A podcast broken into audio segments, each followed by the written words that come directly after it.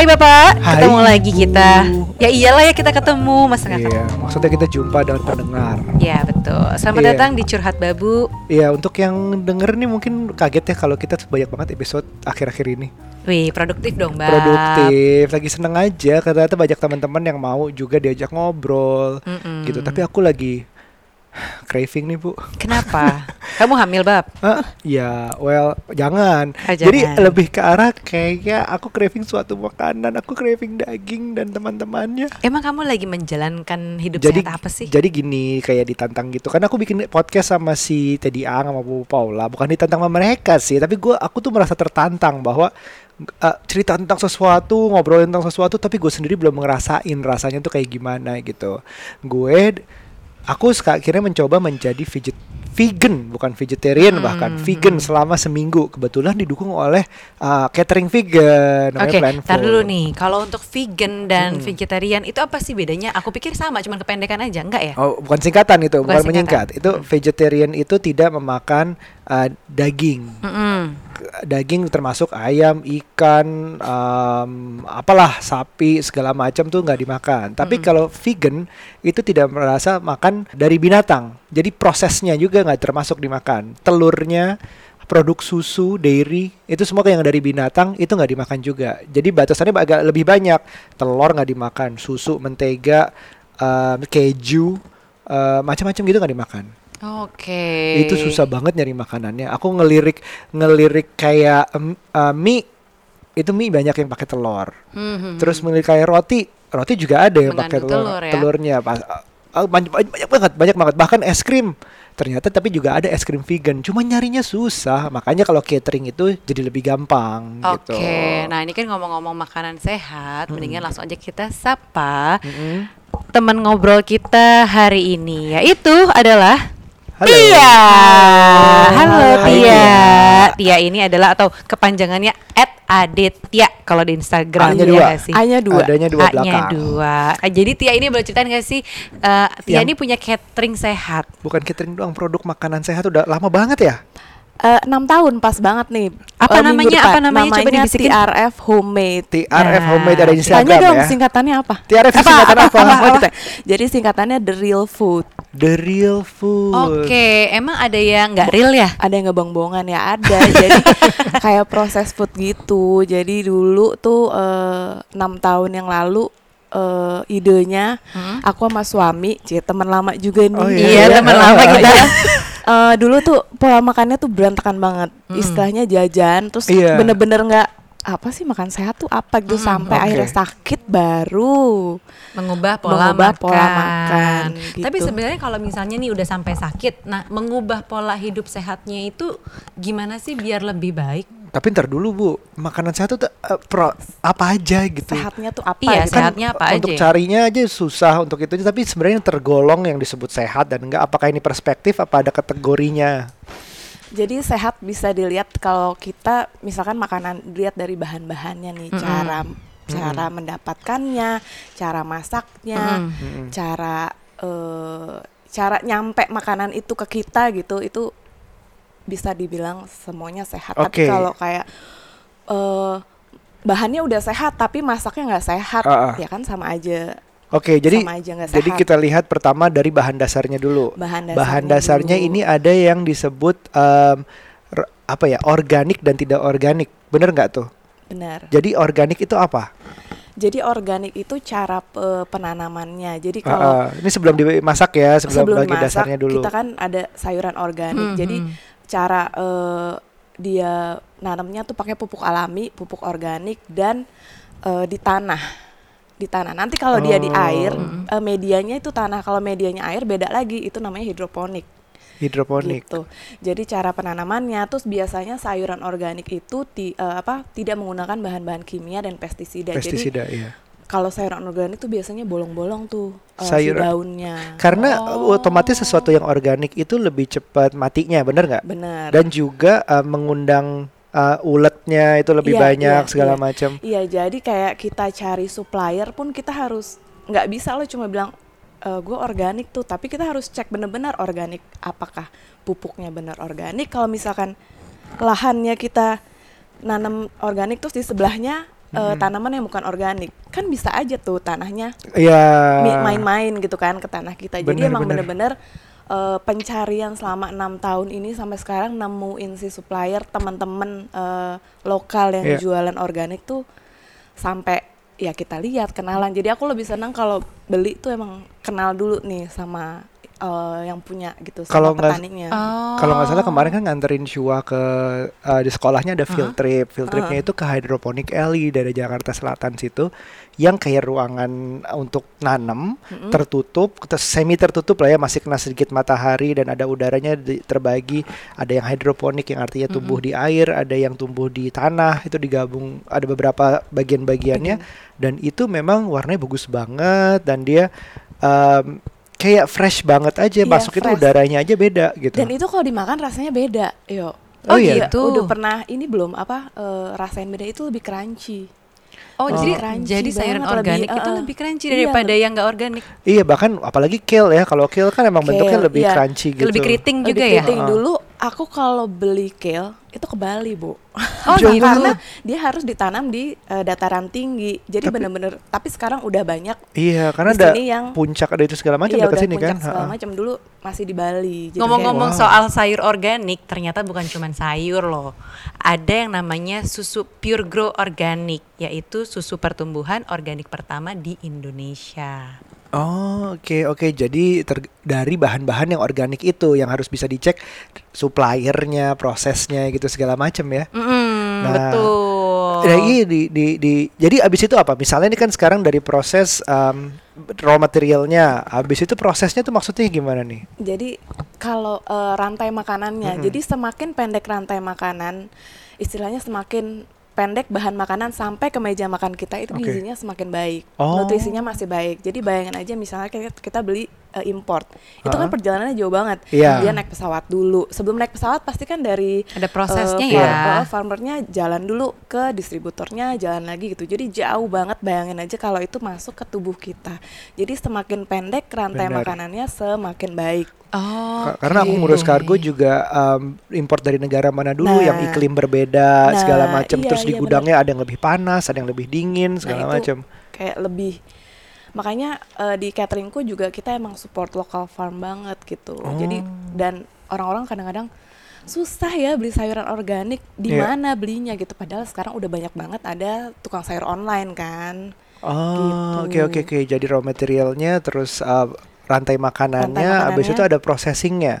baru ke proses masaknya Oke, kalau oke. proses masaknya sih ya sebenarnya standar aja ya kukus-kukus terus alatnya kalau misalnya kita udah mau menaikkan level sebenarnya gini aku bilangnya nggak usah terlalu advance dulu lah kita misalnya kita rubah dulu yang basicnya dulu basicnya apa sih yang mesti dirubah misalnya bumbu-bumbu dasarnya dulu Oke. Mhm. kalau dari tuh? situ udah mau berubah misalnya kita dari gulanya diganti minyaknya diganti Oh, kayak garamnya diganti. Oke. itu kayak udah udah ngasih eh, efek yang kecil tapi efeknya besar. Tapi itu semua- Penggantinya tuh nah, kayak itu. apa sih? Misalnya kayak gula nih tadi kamu sebutin. Gula digantinya jadi apa? gula bisa diganti dengan stevia. Yang gampang deh gula kelapa, madu, Mm-mm. eh, apa maple Kurma. syrup, kurma, Ha-ha. terus baru stevia sama ada namanya agave. Oh. Oke, itu yang Jadi- itu yang manis-manis. Yang Terus kalau misalnya Kalau garam itu diganti dari tuh garam apa sih? kita sebenarnya? kalau di rumah kan pakainya garam meja. Yodium Garam ya. meja ya. Nah, kita digantinya dengan Himalayan salt atau garam laut. Balik Sea lagi nih. Ah. Himalayan kan jauh ya, Bu.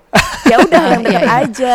Yang deket aja Ya, kita sea ambil itu ya? garam laut aja gitu Bali, ya. ah. Oh. Yang lebih dekat ada di Ah. Bali atau sea salt itu kan negara kita tuh sebenarnya kita udah kayak di Indonesia tuh udah support banget kayak Udah kayak minyaknya banget. gitu kan minyaknya kita kelapa pohon kelapa tuh kan banyak Iya iya dan iya. itu iya. udah udah dia udah eh, ada minyak kelapanya Hmm. bisa kita pakai tepungnya bisa kita pakai gulanya kita pakai kalau gue sih Ah. kuncinya ini aja nggak usah pakai yang putih-putih Eh, maksudnya apa tuh? Gue tersinggung gini. Hah? gula putih Oh. ya Terus apa lagi? kan beras putih Ah. jadi kalau mau mulai hidup sehat tuh sebenarnya dari yang simple aja gitu bumbu plus kalau saran dari aku kulkas Kulkas tuh kenapa? Gua- kamu udah bener tuh tapi uh, pilih Kenapa, yang kenapa? nggak putih-putih. Yang nggak putih-putih ya. yang bener banget Suaminya gini soalnya. Eh, putih tua. Terus Iya, jadi eh, dari kulkas dulu. Kulkas tuh isinya kita ganti sih proses foodnya itu kita keluarin dulu. Jadi eh dari 2013 sampai sekarang itu kebetulan gua sama Dito tuh eh bukan menjalankan diet. Kalau diet itu kan membatasi makanan yang Iya. masuk ke dal- eh, Iya. ke tubuh kita, tapi kita menjalankan namanya clean eating, makan makan bersih. Ah. Jadi- sebersih apa sih? Piringku juga bersih sih Iya. kalau misalnya lagi makan. Tuh clean eating nggak tuh? Pinter ya bu. Jadi clean eating itu mengkonsumsi makan makanan alami mendekati bentuk aslinya. Jadi misalnya gini, gampang ya. Pengen makan daging, pengen makan ayam, Hidup dong. Enggak ya? Itu kan mendekati aslinya. pengen makan ayam gitu. Ya udah bikin aja ayam panggang, ayam betutu bukan sosis, nugget atau makanan yang sudah melalui proses pabrikan. Ah. Sampai situ, oke. ini nggak, maksudnya kayak bingung Ngerti, ngerti, ngerti, Ngerti, ngerti. Jadi Jadi ayam- simpel itu sih sebenarnya. Sebenarnya aku lebih merasa bersalah sih ini jadinya. Oh, Oke oke Iya. oke ya, Eh, masih kita ada sosis juga dan nugget. Oh Kecuali iya. nugget bikin sendiri ya. Makanya aku sempat campaign Hmm. buat makananmu sendiri biar kita tahu ingredientsnya tuh apa aja. Oke. Hmm. Oke, em- emang emang gue suka sih bagian clean eating menjalankan clean eating karena kalau diet itu kesannya harus ada target pertama di mana lo nyentuh target terus akibatnya lo udah lepas lagi nggak Iya, diet lagi. iya. Jadi pengubahan pola hidup selamanya kalau bisa lebih baik sedikit-sedikit tapi selamanya. Dan itu gitu. bisa jadi lama-lama jadi eh, lifestyle juga karena eh, dari ya udah menjalani itu lama, kita nggak diet tapi ya udah setiap hari jadi gitu. kayak gitu gitu. Oh alkohol nggak clean eating ya? Alkohol itu eh, itu itu clean sih untuk clean ini kuku. Kuku, bener-bener Atau nggak luka bener Atau dibersihin luka, iya pakai itu clean sih. Oke, tapi sebenarnya alasannya kenapa sih kita harus kayak makan atau minum lebih sehat? Emang Kenapa, Ki? mm, harus kenapa gitu? Apakah misalnya emang karena sakit, misalnya kayak Tia nih cerita bahwa suaminya dulu sempat sakit dan kelebihan berat badan. Maksudnya apakah harus kayak gitu dulu gitu atau apa? ya sebenarnya Suaminya sih nengok tuh di- Heeh, langsung disebut nengok ya. sama kamu. eh tapi dulu kita berdua maksudnya jangan sampai kayak kita berdua sakit dulu baru kayak udah kepentok baru gue berubah kalau bisa Iya. sih apalagi Udah sekarang kalau gue sih ngerasainnya dari pertama banget eh mau usaha punya anak sampai sekarang punya anak itu targetnya tuh jadi lebih lebih beda lagi dan kayak lebih oh sekarang gue udah jadi Iya. ibu gue harus sehat buat anak-anak gue kalau nanti gue nggak sehat siapa yang ngurus gitu kan istilahnya Untuk pendengar kita yang juga tahu kita ada kesamaan sama Tia dan suaminya adalah trying to conceive fighter ya. Fighter. Warrior, Jadi kita jadi- sama-sama program hamil. Ah, ah, nah itu emang ada bagian dari saat itu adalah perubahan pola hidup waktu Pola itu. hidup, kita juga tuh benar. waktu itu berusaha clean eating Makan terus sehat ya. olahraga gitu. itu kan kayak ada goalnya kan waktu itu Ah, ah. ah goalnya gue mau Nah. hamil ya udah gue makan sehat nah sekarang iya, kan benar. misalkan benar. itu udah satu goal itu udah tercapai oh gue sekarang seorang ibu tapi juga pengen investasi ke diri sendiri jujur takut sakit sih gue Aduh, iya, aku apalagi takut. setelah kita jadi orang tua, kalau sehat itu tuh bener-bener investasi. Karena kalau kita sakit, anak tuh gimana gitu, kasihan Iya, kan iya. nggak ada yang megang, anak nggak ada yang ngajakin main dan Iya. lain-lain kayak gitu. Nah bener nggak tapi waktu kita bilang eh, sehat tuh mahal, sakit tuh lebih Eh, mahal. Tapi ini bener mahal ya kalau sesuatu makanan menyiapkan makanan clean eating atau organik ini. Tergantung belinya di mana kalau belinya import mahal tapi eh, kalau misalnya Padahal sebenarnya nggak perlu import ya karena rantai makannya panjang jadi banget. eh, sekarang udah banyak banget nanti mungkin Mm-mm. bisa aku kasih tahu link eh, si tukang sayur itu Mm-mm. sekarang bahan-bahan dasarnya itu aja dulu diganti Mm-mm. nah selama seminggu aja cobain nanti tubuh udah ngerasa enak oh iya nih saatnya gue Mm-mm. eh, eh, naik level nih istilahnya mau Mm-mm. advance lagi gue Iya. beli sayuran organik eh ternyata enak ya gini oke gue mau advance lagi ah gue mau proteinnya nih yang organik jadi Oh, biasanya tuh tubuh oke. kita kalau udah enak tuh biasanya minta lebih gitu Minta loh le- iya Jadi sih. bertahap kata kuncinya. Bertahap. Jadi ini. bertahap. memang kalau dibilang mahal sih sebenarnya mungkin kalau kayak bahan-bahan dasar gitu mungkin gula itu kan kayak sekali beli ya nggak Iya, setiap iya. Eh, sebulan juga mungkin nggak habis kayak Iya. mungkin mahal di situnya tapi kalau untuk sayuran tuh kayak cuma beda berapa Iya. berapa lima ribu or sepuluh Yang bisa bikin hemat juga menurut gue adalah proper planning. Jadi misalnya karena makanan organik itu basinya lebih cepat, kalau bisa jangan beli kayak kebanyakan langsung Kebanyakan terus di Iya. stok. bazir gitu Ah, ya. dia lebih nggak kuat tahan lama gitu. Dia nggak lebih tahan lama. Jadi Iya, harus kayak proper planningnya sih mau makan hari ini ini ini ini ditentuin dulu sebelumnya. Eh, kayaknya kita udah ahli banget nih. Cile. Padahal sih ya. banget. eh tapi balik ke tujuan hidup sehat ya. Aku eh, sebenarnya emang begitu jadi ibu, ini kan jadi investasi nih kesehatan. Tapi sebenarnya juga pengen mencontohkan ke anak-anak sih supaya makan tuh Iya. lebih sehat, minum tuh lebih sehat kayak gitu. Karena kalau misalnya anak-anak ini dibiasakan dengan hal-hal yang instan gitu kan sebenarnya merekanya juga nanti takutnya memilih makanan tuh apa ya secara conscious akan milihnya yang nggak sehat nggak sehat gitu. Bener, bener. Karena bukan cuma kayak bilangin anak-anak, tapi nyontohin sih. Hmm. Anak-anak kan kayak mengikuti orang Iya, tuanya iya, ngapain iya. banget. Ya ya ya ya ya. Jadi Atau as mungkin simply as anak-anak nggak ada pilihan. Di rumah tuh cuma udah sehat kalau semua. misalnya kayak lagi talk show atau seminar gitu suka pada nanya nih ibu-ibu, Hmm. bu, eh mbak anak saya tuh nggak suka makan sayur. Nah pertanyaannya gue balikin lagi, ibu bapaknya suka makan sayur Iya. nggak? Gitu. Iya Sama sih. kayak anak Tapi- kebanyakan main gadget, bapak ibunya gimana? main gadget gitu. iya kan kadang-kadang emang anak kan peniru ulung kan, Iya, jadi kita banget. bener-bener kalau emang mau berubah ya emang harus dari diri kita Bener, sendiri bener. sih Dan itu emang berat. berat iya berat banget yang berat tuh adalah nanti mempertahankannya sih jujur Iya. gue aja sampai sekarang kayak aduh mau balik lagi ke pola makan dulu Iya. tuh susah gitu Hmm. jujur waktu Iya. yang promil itu tuh kayak aduh pengen kayak gitu lagi tuh semuanya eh, Iya. Iya ya, nutrisinya tuh kayak sangat baik ketika kita lagi mempersiapkan kehamilan tuh waktu Bener. itu. Gitu. Iya, Padahal iya. begitu udah udah menyusui dan udah selesai misalnya menyusui, kok kita jadi suka lupa ya sama nutrisi. Bener, iya iya iya itu Kayak seolah-olah ya udahlah nggak ada tanggung jawab lagi gitu kan. Padahal kalau misalnya kita punya anak, tanggung jawabnya tuh besar loh buat anak. Nutrisinya tanggung jawab. Ya maksudnya nutrisi itu nutrisi anak-anak tanggung jawab kita juga. Iya, iya, iya. Gitu. Jadi mungkin ya kayak misalnya nih eh, susu pure grow organik tadi nih, susu pertumbuhan organik pertama di Indonesia. Itu ya kayak susu apa ya? Organik ya seolah-olah organiknya kita makan sayuran sehat, Ha-ha. eh, anak-anak juga makan sayuran yang sehat, terus minum susu. Kita juga masih suka minum susu ya kan. Jadi anak-anak juga bisa minum susu terus gitu. Oke, oke. Jadi eh, emang emang gue seneng banget bahwa lo bilang itu bertahap. Itu em, kalau bisa kalau soalnya seseorang tuh kalau bisa langsung kagetin kayak gue tiba-tiba vegan nih, gue kaget, Bo. Gue gue Nah, kayak mikir nah. eh, nih harusnya aduh, gue masih bisa dong makan ini gitu-gitu. Ya jadi nanti ini gini.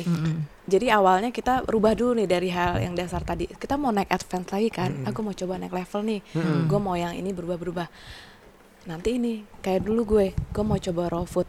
Gue udah makan sehat, akhirnya gue coba raw food. Ternyata di badan gue nggak cocok. Gue jadi Kenapa? sakit. Oh gitu. Oh gitu malah. Nggak bisa karena waktu itu lagi program hamil yang justru kita butuhkan adalah si protein. Terus kan raw food vegan kan otomatis kan. Raw Karena food kita makan mentah vegan. kan. Kalau Ah. makan eh, protein nabati kan nggak mungkin dimakan mentah. Eh, kalau kan. sushi gitu Sushi proses apa sih? sebenarnya bisa kan dia, dia dia raw food Raw juga. food, ha-ha. Cuma waktu itu gue nggak makan sushi kan. Akhirnya ya balik lagi Ah. nanti selain bertahap kita balik lagi nih. Setiap Hmm. orang kan eh, ininya beda-beda Iya. kebutuhannya. Betul. Oh kebutuhan gue gue kayaknya nggak cocok nih di raw vegan. Dan memang sampai sekarang kita udah coba segala macem nih mau eh, vegan, mau vegetarian, mau zero nggak cocok. Ternyata kita cocoknya di clean eating. Ya, memang Oh. ya udah kita ganti aja jadi kita substitute sih bahan-bahan yang eh, tidak sehat itu jadi Iya. menjadi sehat gitu Dan- jadi nggak perlu membatasi apa-apa Boleh nggak kalau frekuensinya kayak misalnya gue mau clean eating lima hari dalam seminggu dulu sebelum gue full clean eating gitu. Gue kayak oh ada cheat day atau holiday-nya gitu kayak ada dong apa-apa ya. gue justru kita menerapkan eh, eh, 80-20 rule namanya Hmm. 80% eh, makan sehat 20 persennya jajan kenapa karena kan biasanya kayak kita meeting kita mau nonton Susah bioskop banget nyarinya, ma- nggak yang mungkin sehat-sehat. dong yang Hmm. gue juga nggak mau yang ekstrim gitu ke bioskop bawa eh, kotak makan bawa sendiri Nggak gitu kan. boleh juga. jangan sampai ya itu perubahan itu jangan sampai menyusahkan diri kita Iya, sendiri iya, iya, juga iya. Bener sih, gitu. itu ya. Apalagi kalau meeting sama klien depan klien tuh Kan kayak sok enak ya, picky Bu. gitu ya. Oh, ha-ha, iya. Iya, bener sih. Terus aku pernah ya um, klien kayak dia tuh full vegetarian juga, terus tapi makan tuh susah banget entertain dia gitu untuk ngajak makan ke mana. Aduh, ini mau makan gitu doang. Walaupun dia akhirnya nggak apa-apa kok, nggak apa-apa silakan aja. Tapi kita kayak nggak enakan hati gitu. Iya nggak sih? Akibatnya ya menyesuaikan nggak ya? Iya, 80-20 rule sounds good, sounds good. Tapi Tia, apa sih kelebihannya makanan organik tuh sebenarnya? Kelebihannya itu selain eh, bisa bikin sistem imun kita lebih bagus, terus metabolisme juga bagus, bisa mencegah resiko eh, obesitas. Oh, Karena gitu. nggak ada eh, bahan kimianya itu, bahan kimia, jadi memang semuanya bahannya alami gitu. Oh. Jadi kelebihannya itu sih, apalagi kalau udah udah konstan nih menjalani pola makan sehat, kayak gue misalnya jajan, ya udah, udah tahu nih resikonya bentar lagi sakit nih tenggorokan, bentar lagi sakit perut nih, bentar lagi bloated nih. Bahkan si Dito juga pernah sih waktu itu masuk rumah sakit gara-gara jajan gitu. Jadi nanti badan kita jadi menyesuaikan sendiri karena badan kita tuh sebenarnya pintar, dia udah tahu kebutuhan eh, tubuhnya gitu. Jadi goalnya misalnya gue mau makan sehat, gue mau kurus. Sebenarnya kurus itu bonus, bener-bener bonus. bonus. Kayak eh, gini, kan ada yang bilang eh, kalau yang dulu raw vegan itu ada yang less process better gitu ya. Maksudnya kalaupun em, kayak jus bukan ada- daripada di blender karena itu akhirnya panas, akhirnya di cold press. Banyak banget lah yang yang trik-trik yang beda gitu. Tapi gue sempat pertanyaan gue adalah kalau misalnya semakin gak diproses apa nggak kotor ya kasarnya gitu, kotor dengan bakteri atau kayak gimana? How do you know? Mungkin kita berusaha sementah mungkin, se- tapi akhirnya sterilitas atau kebersihan tuh dilupakan. Itu gimana tuh? Iya justru itu. Nah kalau organik sebenarnya nggak harus terlalu di yang apa cuci heboh banget pakai eh, sabun cuci segala macam itu nggak Ha-ha. perlu. Itu organik. Makanya gue kalau makan salad atau makan sayuran mentah Mm-mm. berani kalau organik. Tapi kalau nggak organik jangan coba-coba gitu. Tapi balik lagi kalau misalnya buah, buah, buah kan mahal ya, Bu, Ha-ha. eh, yang organik. Jadi Ha-ha. cari buah yang lokal aja karena balik lagi ke rantai makanannya lebih pendek gitu. Tapi yang mentah-mentah itu nggak apa-apa, nggak kotor justru. nggak apa-apa kalau dia organik ya kalau dia Oh. organik nggak apa-apa gitu Ah, oke oke oke. Kan zaman dulu kan orang kan dimasak tuh biar bakterinya mati nah gitu loh. sekarang justru jangan dimasak balik lagi tapi harus organik Oke, itu sayur. Kalau Sayur. kalau em, daging kan ada yang oh, kalau zaman dulu nih ya orang-orang tuh kayak bukan cuma dimasak doang, tapi kalau misalnya udah makanan berapa hari tuh dipanasin lagi, dipanasin lagi, dan Iya, dipanasinnya bukan microwave. hari dipanasin mulu, tinggal diubah aja. Nah, Tadi iya, misalnya itu- sate ayam berubah jadi apa tuh? Jadi ayam Iya, dulu goreng, ibu-ibu jadi kita apa? zaman dulu kan gitu. akhirnya Iya, ujungnya iya. nasi goreng ayam. Iya, pokoknya ayam yang satu dibeli minggu lalu itu sebenarnya iya Iya. jadi tuh nutrisinya udah semakin berkurang. udah semakin berkurang gitu Oh. dan kayak pernah nanya tapi saya suka banget nih mbak makan nasi padang Mm-mm. oh ya udah sebenarnya nasi padang yang bilang nasi padang itu nggak sehat siapa Oke. Hmm. boleh makan nasi padang di tempat eh, either itu masak sendiri atau di restoran yang ramai banget. Jadi sekali masak abis nggak dipanas-panasin. Yang bikin nggak sehat adalah yang dimasak eh, dipanaskan berulang-ulang. Tapi kan uh, uh, nasi padang tuh biasanya ngomonginnya adalah santan, Nah, kolesterol. Kalau yang nggak se yang mentah ya, Uh-uh. kayak misalnya Oh, enggak, bak- Daging. dagingnya dagingnya tapi pakai santan dimasaknya gulai gitu segala macam tuh akibatnya kolesterol larinya. uh, uh, uh. kalau misalkan yang pure daging, Ah, ah. sebenarnya sih kalau raw nggak nggak nggak daging sih. raw nggak daging raw nggak ya. daging. Jadi Oh, kebanyakan memang kalau udah raw dia pasti vegan. Oke. Oh, iya iya iya Kecuali iya. iya. misalnya namanya pesca vegetarian atau or something. Iya, iya, ada, ada yang mix-mix, levelnya iya. vegetarian, vegan, Ya, pesca. dia masih ada yang makan pesca telur, tuh makan ada daging ikan, daging putih Iya, atau daging daging ikan, ikan gitu segala macam. gitu. Ada level-levelnya itu. Hmm. Dan kamu kalau nonton dokumenter di Netflix namanya What the Health juga agak stres sih. Oh gitu ya. Iya, Oke. jadi pokoknya intinya pengennya sih pengen ngajak orang makan sehat, tapi nggak usah yang mikir mahal dulu atau susah dulu, coba ganti bahan dasarnya dulu. Iya, Baru setelah itu oke naik level. Kalau aku sih selalu menyarankan kalau bisa sebisa mungkin yang organik tuh sayuran. Baru abis itu mau yang lainnya, mau bumbunya, misalkan Iya. tur- turmericnya organik atau misalkan eh, kecapnya organik, Iya, eh, oysternya organik silahkan. Tapi kalau mau yang iya. mau merubah dari awal banget kan kayak biasanya orang-orang susah banget gitu. Itu ya yang dulu. sih. itu yang nggak Benar, kerasa uh, bila daripada ngajarin Mbak tentang organik langsung tiba-tiba ganti iya, aja semuanya. itu langsung aku ganti. Udah dia nggak usah tahu, pokoknya nih garamnya pakai ini Pakai ya, ini, pakai gulanya ini, pakai iya. ini ya, ininya pakai ini ya. Iya bener, itu Jadi- tri- salah satu triknya juga gitu. Oke, jadi emang satu rumah tuh harus diganti ya, nggak Ganti nggak aja nggak udah. bisa cuman kayak kitanya doang gitu. Ini Iya. buat bosnya makannya ini, Nggak usah. buat mbak-mbaknya nih tetap pakai misalnya garamnya juga garam garam apa garam meja ya. Garam meja yodium, ha. Oh, Oke oke oke. Terakhir nih Tia, apa sih kelebihan? Eh, maksudnya apa sih eh, tips and trick supaya kita tuh bisa lebih hidup sehat, tapi caranya lebih sederhana. Paling gampang aja. Paling gampang sih aku tadi pakai yang 80-20 rule itu karena Oke. biar gimana pun kita hidup bersosialisasi masih pengen makan enak, masih pengen jajan enak jadi 80%. Kalau bisa kita bi- eh, masak makanan kita sendiri, 20%-nya boleh kita gunakan untuk jajan atau misalkan lagi traveling segala macam. Terus sama eh, hindari 5P. Apa, Apa tuh? itu?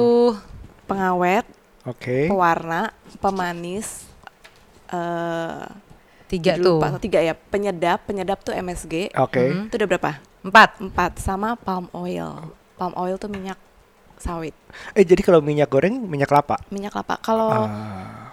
misalnya kayak gini ibu Nuca tapi adanya olive oil Iya. iya nggak apa-apa tapi olive oil Nggak kan apa. import kita Udah gitu pakainya lebih mahal juga nah olive oil. makanya tuh- makanya kan mahal itu kan pilihan kalau Iya, iya. belinya import ya lebih mahal Mm-mm. tapi kalau belinya kita lokal itu pasti Lebih- lebih murah Ah, oke 5P tadi. Apa coba penyedap, penyedap, pengawet, pewarna, pemanis, Pewarna. pengawet, palm oil.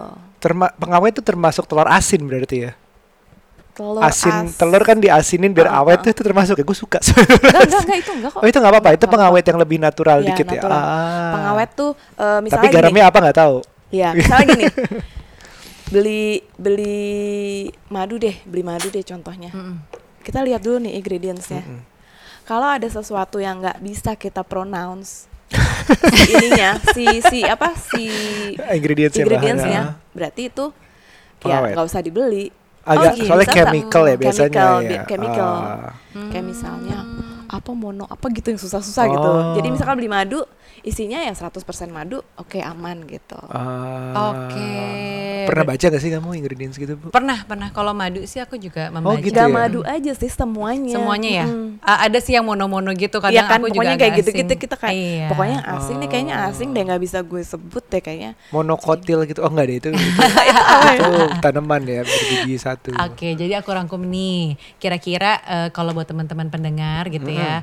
Tadi kan kita habis ngobrol dari hal kecil tuh kita bisa mengubah untuk hidup yang lebih baik. Kalau dari Tia kan tadi bilang mengubah eh, bumbu makanan di rumahnya. Terus kalau versi aku sendiri sebenarnya bisa kayak olahraga aja ya. Kita mau bergerak bukan cuman bergerak, bergerak dalam artian kayak gendong anak, nyapu, kerja, kantoran. Ya maksudnya tapi kita harus kasih waktu untuk olahraga juga gitu. Terus tidur yang cukup. Ngerti sih buat ibu-ibu tidur cukup itu kayak agak jarang ya atau sangat mewah gitu.